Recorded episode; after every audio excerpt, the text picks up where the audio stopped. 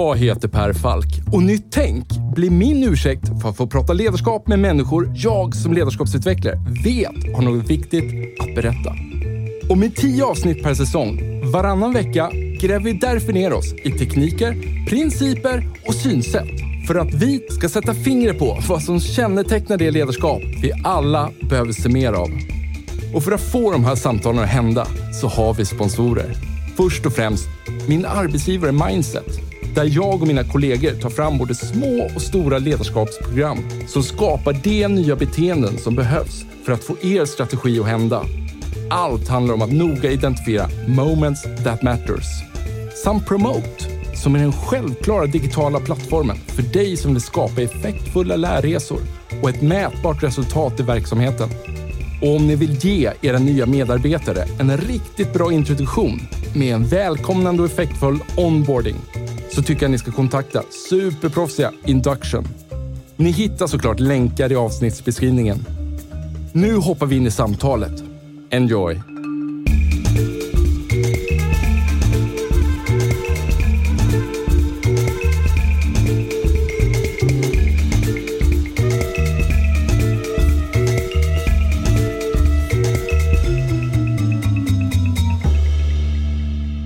När man brukar prata om retorik så är liksom det centrala där att om man vet att det man ska föra fram kan folk ha liksom invändningar mot. Då brukar klassiska retoriken säga då att man ska liksom dra ner den här invändningen, ta upp den själv, neutralisera den och dra ner den från bordet så snabbt som möjligt. Liksom avväpna motståndaren. Jag tänkte att vi ska göra det här, Stefan. Och eh, för, för en första snabb anblick här, så det låter ju lite mumbo jumbo det vi, vi ska prata om här.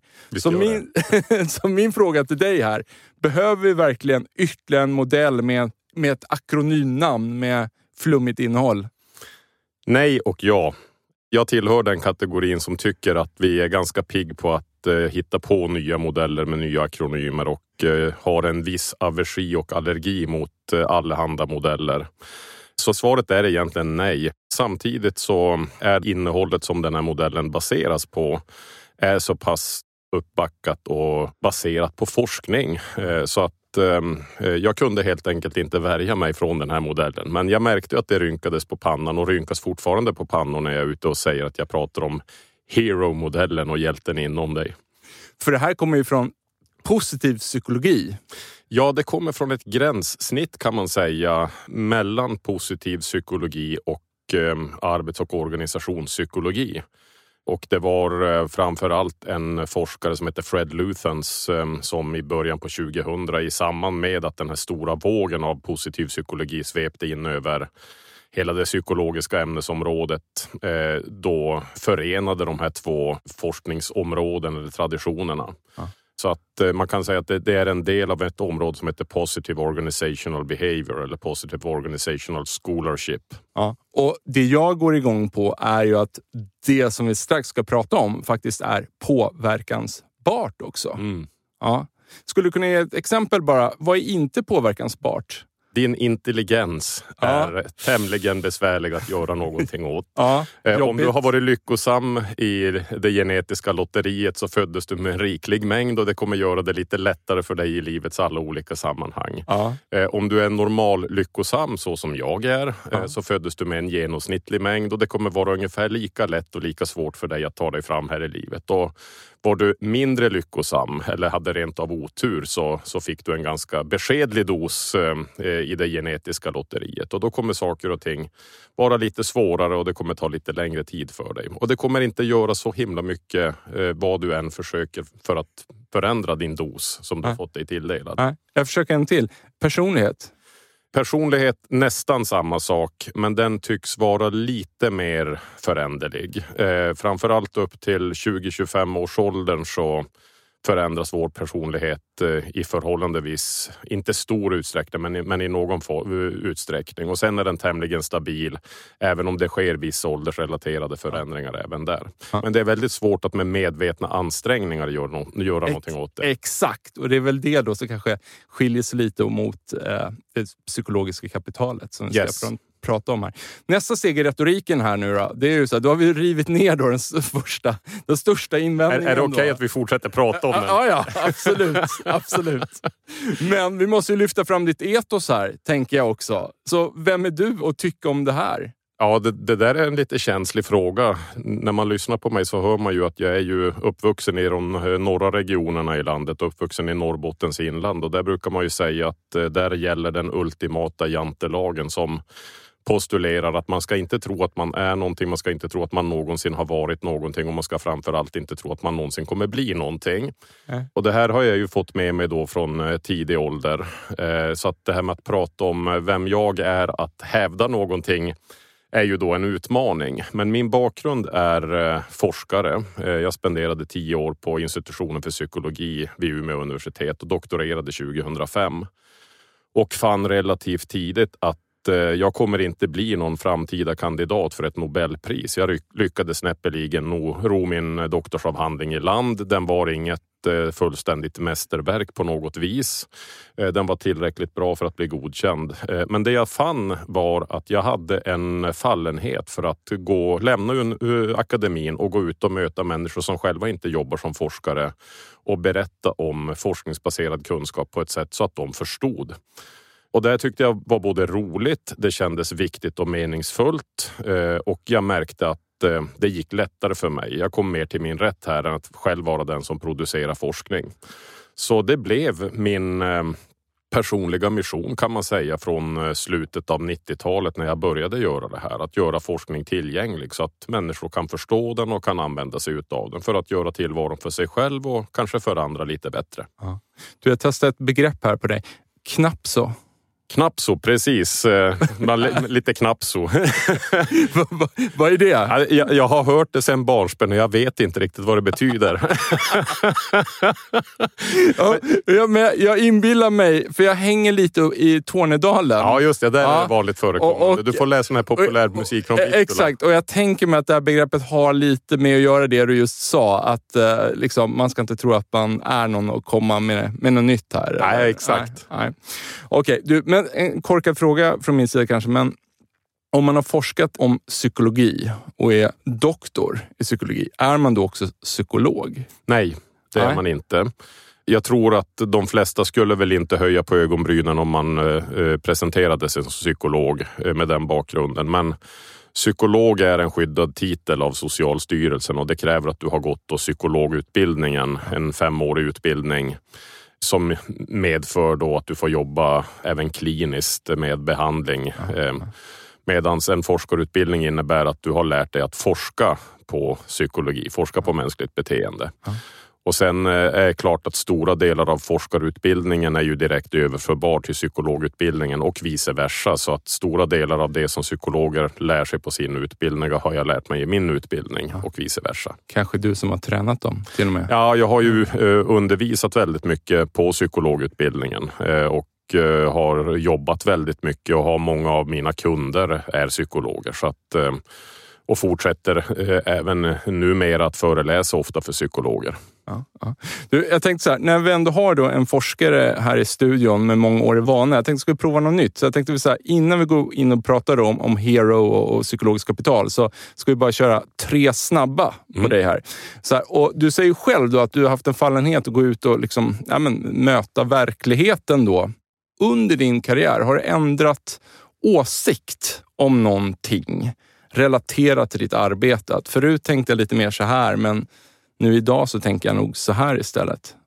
Ja, eh, på gott och ont får man väl då säga. Eh, jag har blivit mer cynisk eh, och eh, förr så trodde jag genuint att jag kunde komma med min kunskap och med mina metoder och eh, fullständigt frälsa och transformera människor så att de skulle få det fantastiskt bra på sina jobb. Det tror jag inte längre.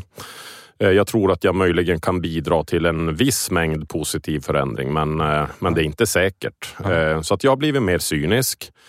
Och sen har jag kanske genom åren också kommit att och med det kan ju vara bra också ska jag säga, det som jag nyss nämnde, det här med att bli mer cynisk. För det innebär ju kanske att man inte lurar in folk i, onödiga, i en onödig tro om att det vi nu lägger tid och pengar på kommer att lösa alla tänkbara typer av problem.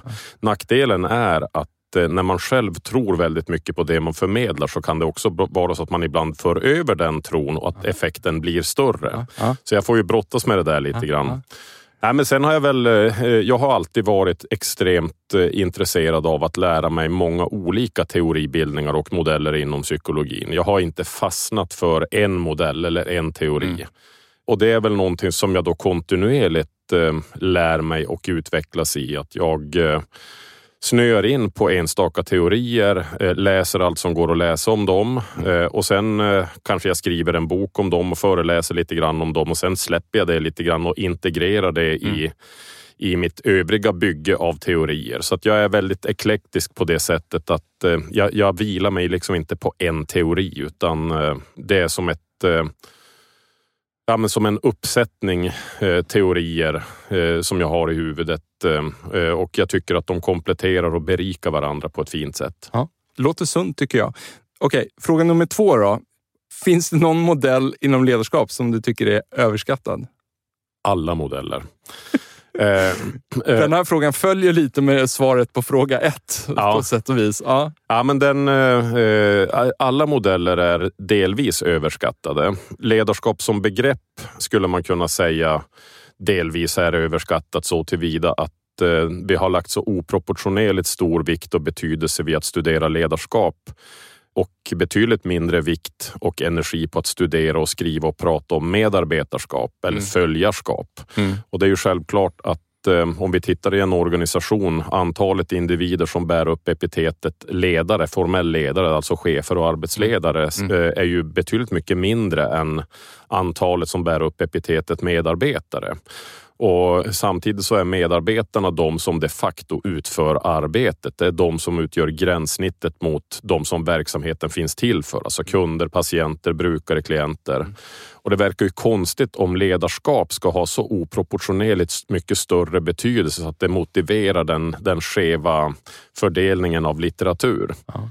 Och kanske också en budget hos ett företag vad gäller att Absolut. Chefsträningen är lite finare än medarbetarträningen. Ja, dels kan det vara så. Eh, sen tror jag att det är också ett praktiskt skäl att det är lättare att plocka bort cheferna från verksamheten och skicka dem på kursen att plocka bort medarbetarna. För plockar du bort medarbetarna då har kunderna ingen som säljer, patienterna ingen som opererar studenterna inga som undervisar. Ja. Så att cheferna är betydligt lättare att ersätta eller att plocka bort.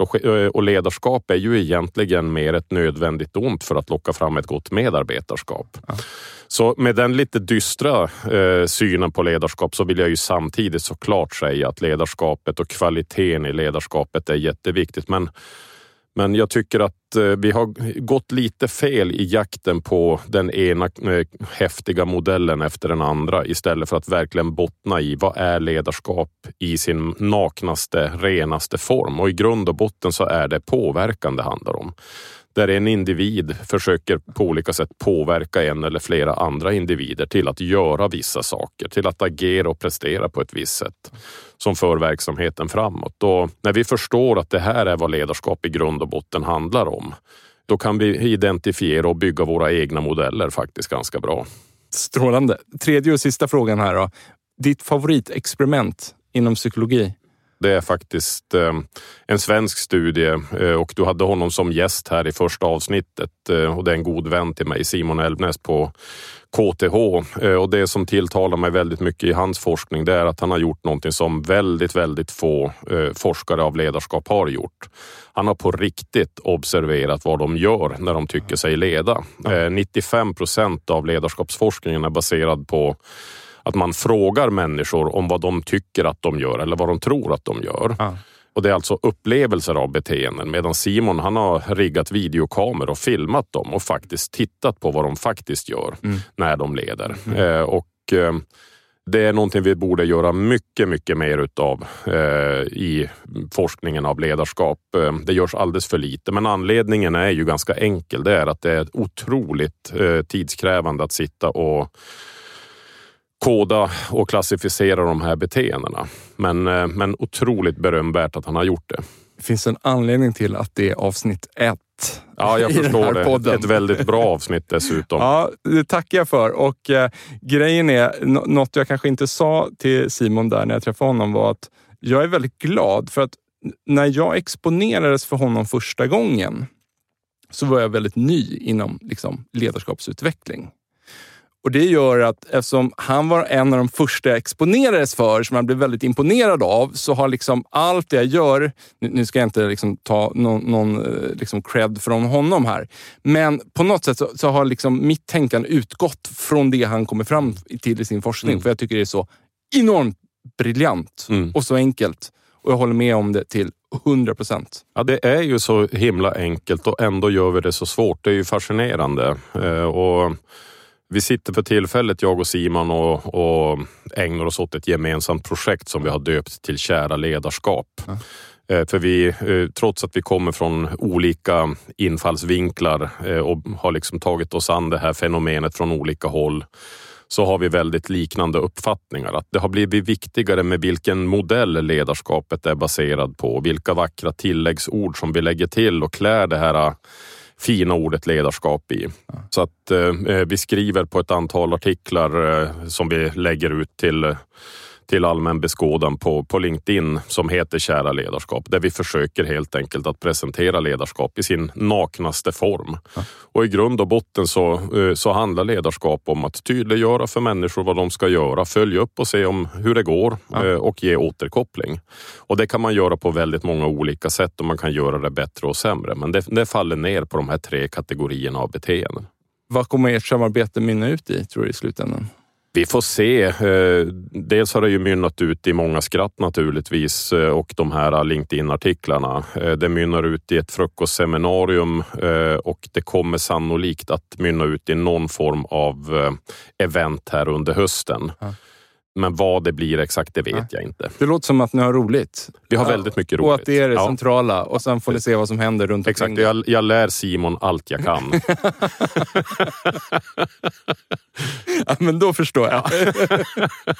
ja, Okej, okay. du, vi hoppar vidare då. Eh, psykologiskt kapital och hero. Så här, bara kort då. då så här, vad, det blev ett långt intro här, men varför överhuvudtaget började du gå åt det här hållet då? Du inser nu att jag kanske blir den första gästen som måste styckas upp i tre avsnitt. I, I, would love it. Alltså, min favoritpodd är eh, så Lex Friedman, amerikansk kille avsnitt kan vara upp till fem timmar. och, och jag, varje gång, och han pratar med astrofysiker eller liksom, eller han pratar med alla möjliga typer av människor.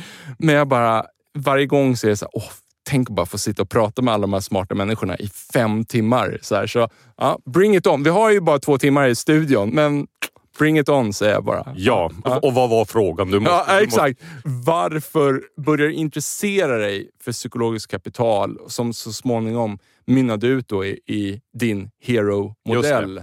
Vad fick dig liksom... För någonstans är det så här, du har ju lagt ner massa tid på det här. Mm. Och då måste du någonstans ha, ha tyckt att så här, det finns någonting här mm. som är värt att lägga ner tid mm. på.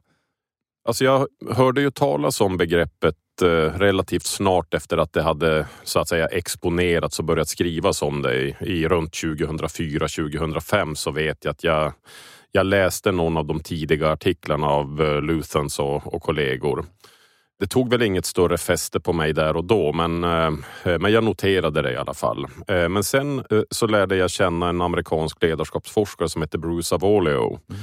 som är en av de ledande ledarskapsforskarna i världen.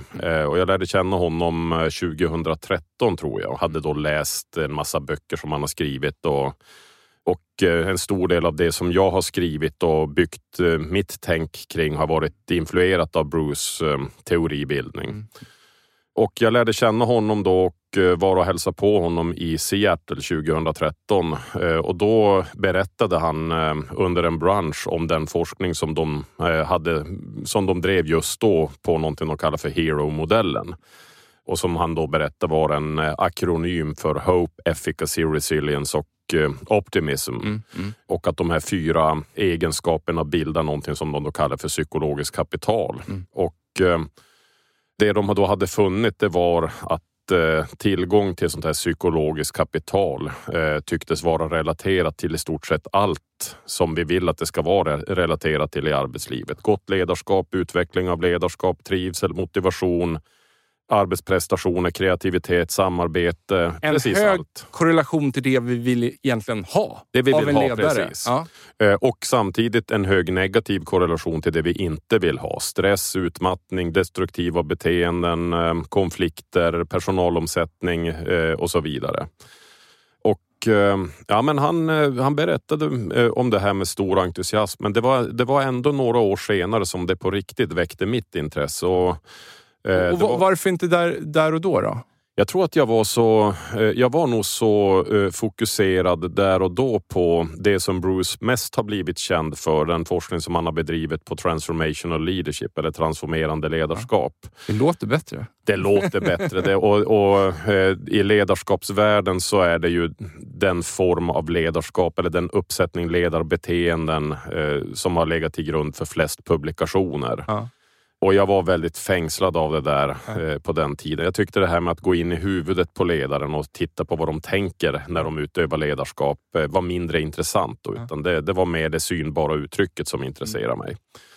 Men eh, eh, jag har med åren mer och mer kommit att eh, liksom söka mig tillbaks till insidan. Dels på grund av egna grubblerier naturligtvis. Jag blir äldre och funderar mycket mer kring livet än vad jag gjorde förr. Jag har eh, uppnått väldigt många utmanande, svåra mål som jag har jobbat mot under lång tid i mitt yrkesliv och har upplevt hur det är när man, när man når mål och känner att shit, jag har ju ingenting att sträva mot. Liksom. Man hamnar i ett vakuum och från att eh, man har tyckt att eh, arbetslivet och tillvaron har varit väldigt lustfyllt och, och energigivande till att man känner att ska jag bara gå och förvalta nu återstoden av livet. Så det var mycket, mycket sådana tankar som eh, figurerade plus att det kom en pandemi som jag märkte påverkade mig en hel del. Man fick mycket tid att gå runt hemma och fundera på saker och ting. Plus att jag blev, mina barn blev tonåringar och med tonåren kommer en massa tonårsrelaterade problem som jag inte hade förberett mig på.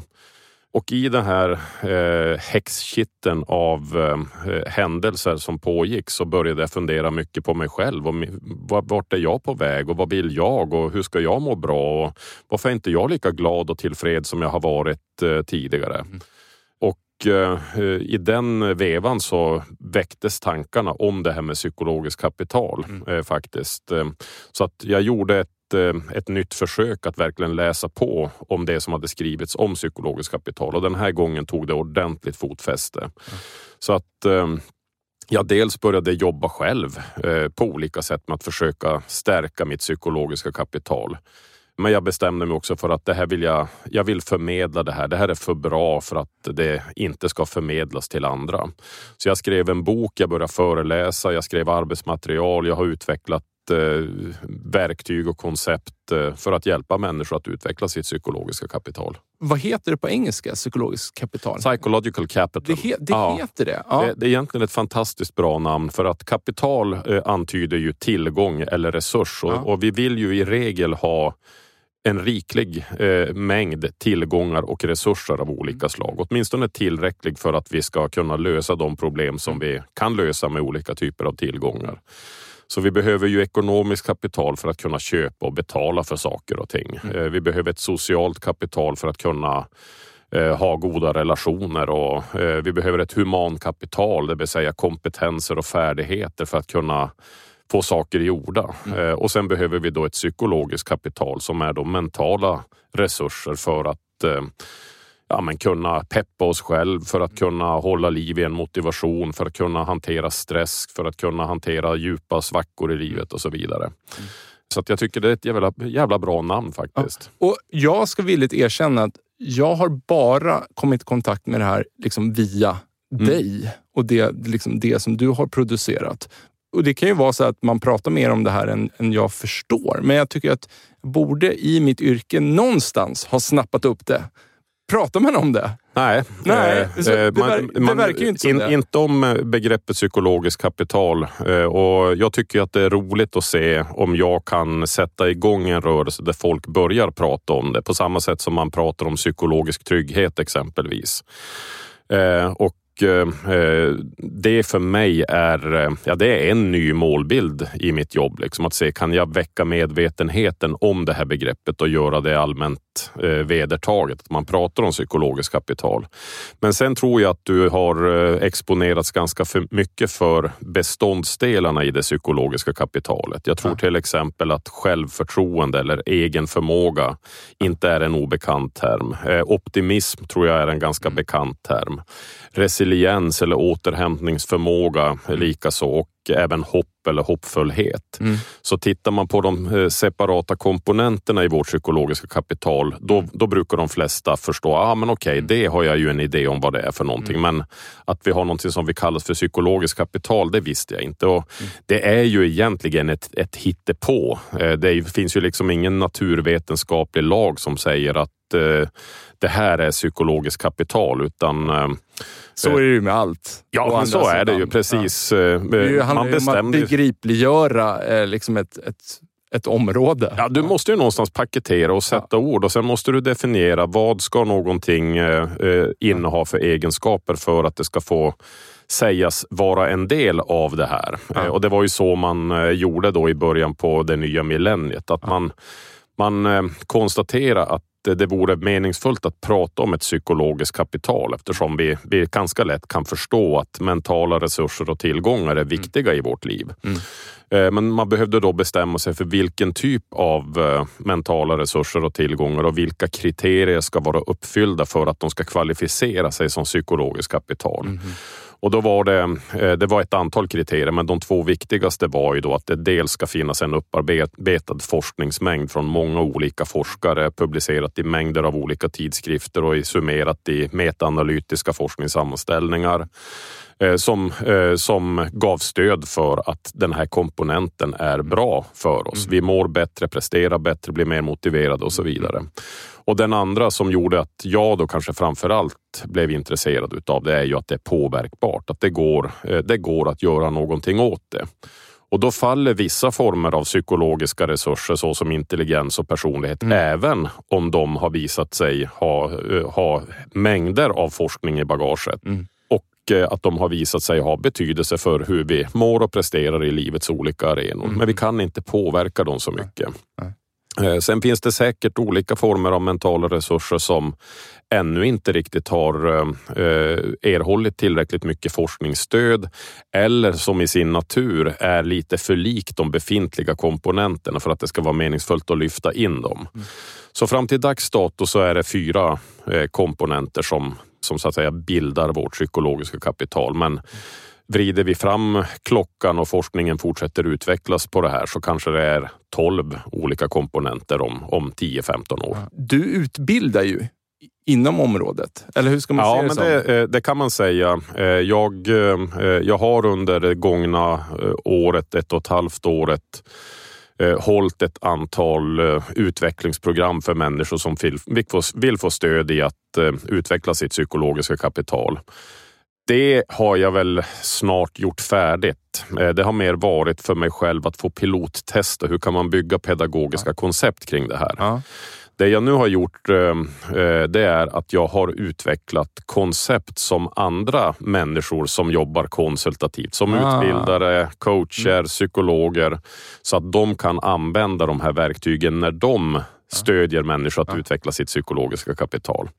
Så att eh, det som jag gör just nu och utbildar i just nu, det är ett koncept som heter Hero IQ, som är ett utvecklingskoncept som jag och min kollega Kristoffer Svensson har utvecklats tillsammans med Anders Sjöberg och Sofia Sjöberg från eh, Stockholms universitet. Ja som är då en, en kartläggning eh, av psykologiskt kapital i arbetslivet och sen har vi byggt en, en metodik för hur man ska sätta mål och jobba med att utveckla sitt psykologiska kapital. Ja. Så låt oss prata då om vad det innehåller. Ja, ja exakt. Va, vad har vi för beståndsdelar? Hopp, hopp är den första. Ja, hopp är den första. Ja, mm. vad, vad är, kort i en mening, vad är hopp? När jag säger hopp, vad, vad tänker du då? Vi kan väl... Eh, ja, men alltså... Du, du, det är ju så här, jag vet ju vad, exakt, jag vet ju vad du lägger in i begreppet. Men, men jag gillar frågan. Så här, vad, vilka bilder, för jag tänker främst i bilder, vad mm. dyker upp inom mig? Hopp är ju, då tänker jag liksom när, när läget är liksom chanslöst. Mm. Finns det några halmstrån? Och, liksom, ser man något ljus i tunneln? Eller finns det någonting att greppa tag i? Finns det någon möjlighet överhuvudtaget att, att lösa den här situationen? Eller att även om man inte ser det nu så kan det dyka upp lägen längre fram som gör att jag kan ta mig ut den här situationen. Så tänker jag på hopp. Det kanske låter lite pessimistiskt. Men Nej, det jag skulle säga att en, en, en eh, extremt bra eh, liknelse och beskrivning av, eh, av hopp. Eh, eller åtminstone av en del av vad hopp är. Ja.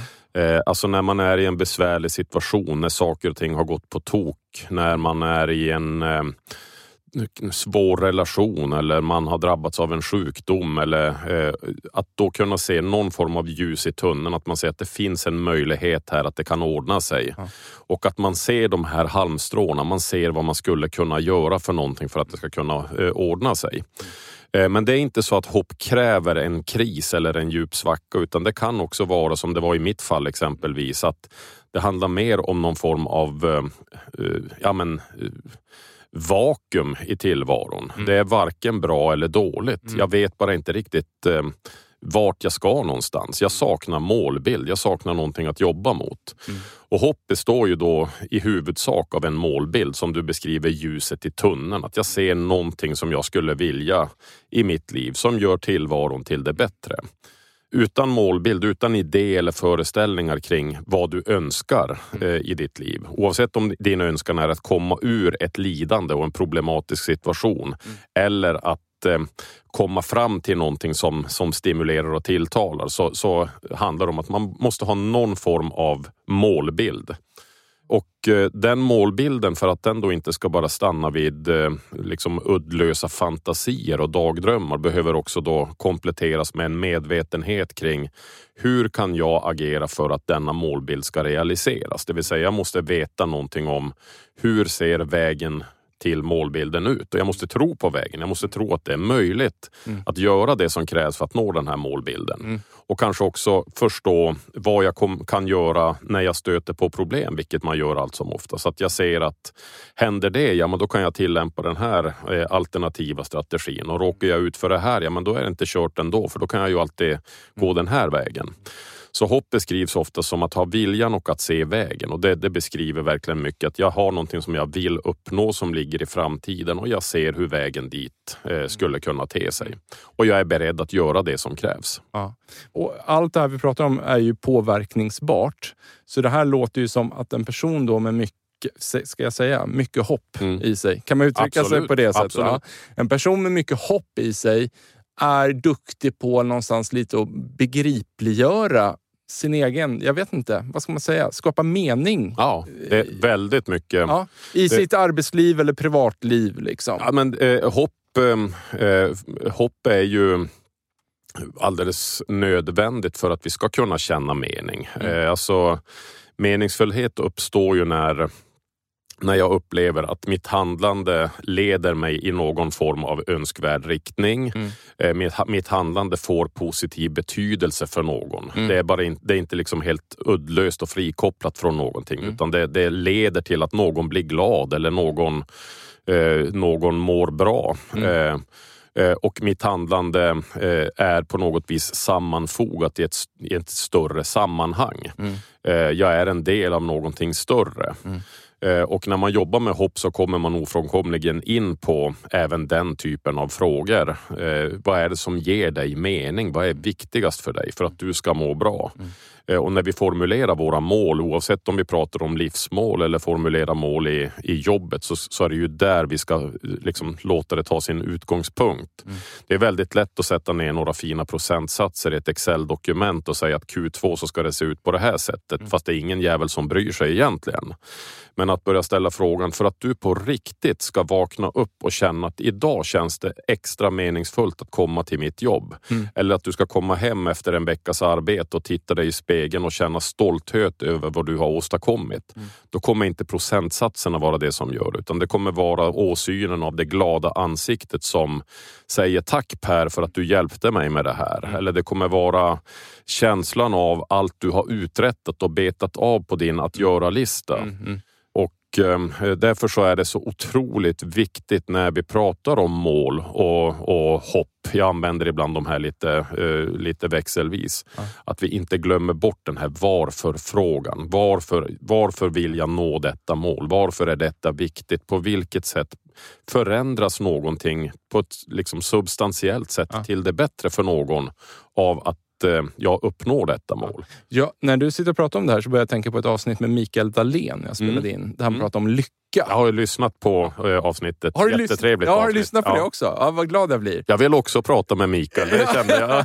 ja, jag framförallt vill jag gå hans utbildning ja. där på Handels. Kände du att det fanns några liksom, uh, connections i, i det hans budskap och ditt budskap här? Ja, men det finns eh, jättemycket. Ja. Det finns jättemycket connections. Jag har aldrig träffat Mikael. Däremot så eh, såg jag att vi bägge två, dels har han ju då skrivit om lycka och forskat om lycka och, eh, och det, det, är ju ganska närbesläktat med forskning på psykologiskt kapital. Ja, ja. Eh, och sen har även Mikael skrivit små böcker som heter En liten bok om lycka ja. eh, bland annat. Och, och, och jag har också skrivit ett flertal böcker som heter En liten bok ja. om. Så, så ni lite... borde ju träffas. Ja, ja, vi borde verkligen träffas vid tillfälle. Ja. Kanske ett framtida poddavsnitt ja. där bägge ja, medverkar. Det hade varit en dröm. Det hade varit en dröm. Ja, Okej, okay, vi hoppar vidare då. Nästa, det var hopp. Vad tar vi sen? Sen kommer egen förmåga. Mm. Eh, och egen förmåga brukar allt som oftast i det svenska språkbruket beskrivas som självförtroende. Mm. Jag har valt att kalla det för egen förmåga för det möjliggör att bevara eh, Hero-akronymen. Eh, men, men i grund och botten så är väl kanske självförtroende det bästa, eh, bästa svenska begreppet. Ja. Det här är hämtat från engelskans self-efficacy eller efficacy. Och Ehm, eh, egen förmåga avser då eh, din tilltro till din specifika förmåga att prestera tillfredsställande väl på de specifika uppgifter och utmaningar som du möter. Mm. Så det är alltså någonting som är mycket mer specifikt än hopp. Hopp är mycket mer eh, liksom generellt. En, en, Lång tidslinje. Ja, det, det kan ju vara, ja. eh, variera i, i längd naturligtvis, men, men den är inte så... På vägen mot ditt mål så ja. kommer ju du möta olika saker. Du kommer möta olika Just. problem, du kommer att behöva utföra olika prestationer, du kanske behöver gå någon utbildning, du behöver mm. prata med vissa personer. Eh, livet är ju fullt av eh, situationer där vi måste prestera. Mm. Eh, arbetslivet inte minst. Arbetslivet är ju en prestationsarena där våra prestationer kan då värderas i någon form av kvalitativ aspekt och i någon form av kvantitativ aspekt. Mm. Och allt som oftast så finns det i arbetslivet såväl som i, i skolan, inom idrotten, kanske lite mindre i privatlivet, även om det även finns där. Men det finns förväntningar på med vilken kvalitet ska vi göra saker och med vilken kvantitet ska vi göra saker. Mm. Och eh, din egen förmåga avser då din tilltro till att kunna göra de här sakerna som du ska göra i din specifika jobbsituation, mm. idrottssituation, mm. privata situation med en kvalitet och en kvantitet som minst lever upp till de eh, krav och förväntningar som finns på dig, från dig själv och från andra. Ja. Eh, och det här kan ju variera. Om jag är elitidrottare i, en, i, en, i ett professionellt idrottslag så kommer ju då, kan man ju tänka, ja men här är ju den faktiska förmågan väldigt hög. Mm. Det innebär inte att egenförmågan är hög för den skull, för att eh, kraven och förväntningarna varierar ifrån olika miljöer och mm. egen förmåga avser då helt enkelt din tro att kunna prestera tillfredsställande väl på de krav som finns i din miljö. Påminn mig och lyssnarna nu, så här, medan vi betar oss fram här, så här, om man nu skårar högt på det här eller arbetar sig till en hög självskattning då, eller vad man nu ska säga. Vad korrelerade det med för ledarskapsbeteenden? Det korrelerar med generell bedömning av om man tycker att, att ledarskapet fungerar väl. Men det ja. korrelerar också med eh, bedömningar av transformerande ledarskap. Det korrelerar positivt med bedömningar av eh, det som kallas för contingent reward eller villkorligt förstärkande ledarskap. Mm. Eh, det korrelerar positivt med, med bedömningar av det som kallas för autentiskt ledarskap. Ja. Märk väl att jag säger bedömningar av ledarskap, ja, för att ja. mig veterligen har man inte gjort några beteendeobservationsstudier för att se om det korrelerar med de synbara beteendena. Du får eh, fråga Simon. Ja, precis. Vi kanske får göra någon gemensam studie där. Men jag skulle inte bli förvånad om man hittar korrelat även där faktiskt. Nej. Och varför jag tar upp frågan är bara för att liksom, kedjan ska vara solklar här nu för, för de som lyssnar. Det vill säga att genom att jobba med de här underliggande faktorerna så har vi andra vinster i ledarskapet ja. som vi kan hämta hem. Det, kan man, man, se, kan, man, kan, man kan se, det, det som en liten sån här eh, resursbuffert som du kan fylla på och som kommer göra att saker och ting kommer vara lite enklare för dig. Mm. Eh, det kommer vara lite enklare att uh, utöva ledarskap på ett bra positivt sätt. Det kommer vara lite enklare att uh, bevara motivationen, att orka hantera stress och motgångar. Mm. Det kommer inte lösa ut alla världens problem, men det kommer göra det lite enklare för dig. Mm. Så att det, det, är som en liksom, resursbuffert kan man säga. Mm. Vi kör vidare. Resiliens. Resiliens. Resiliens är är den udda fågeln i vårt psykologiska kapital. Därför att den är delvis en följd av de övriga komponenterna av psykologiskt kapital. Så att ju mer hopp, egen förmåga och optimism som du har, mm. desto bättre tenderar du att kunna ta dig igenom eh, och komma åter efter svåra motgångar och stressfyllda upplevelser. Mm. Så en väg till resiliens är ju då att investera och bygga de övriga komponenterna. Men den verkar byggas även av andra saker såsom ens fysiska förmåga och hur, hur goda relationer man har med andra människor påverkar också.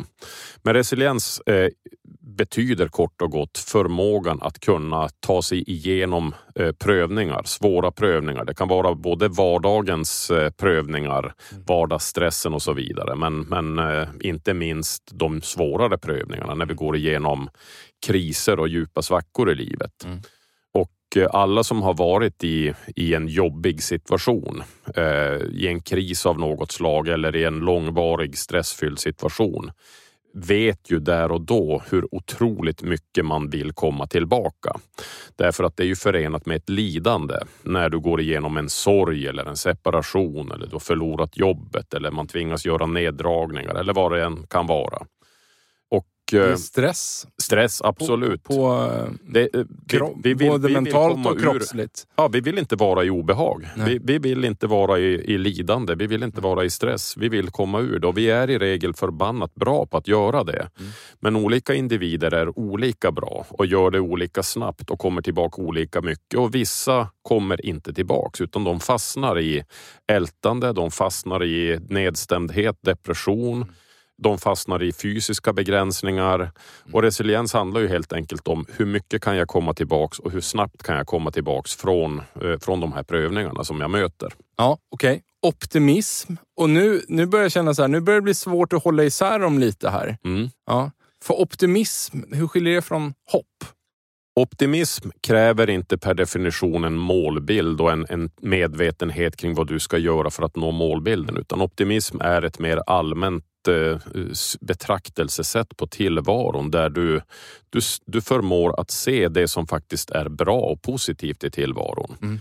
Vi är ju med om ett stritt flöde av händelser och erfarenheter under en dag. Det mesta är väl ganska neutrala händelser. Sen har vi både glädjeämnen och sen har vi motgångar och små frustrationer som vi möter.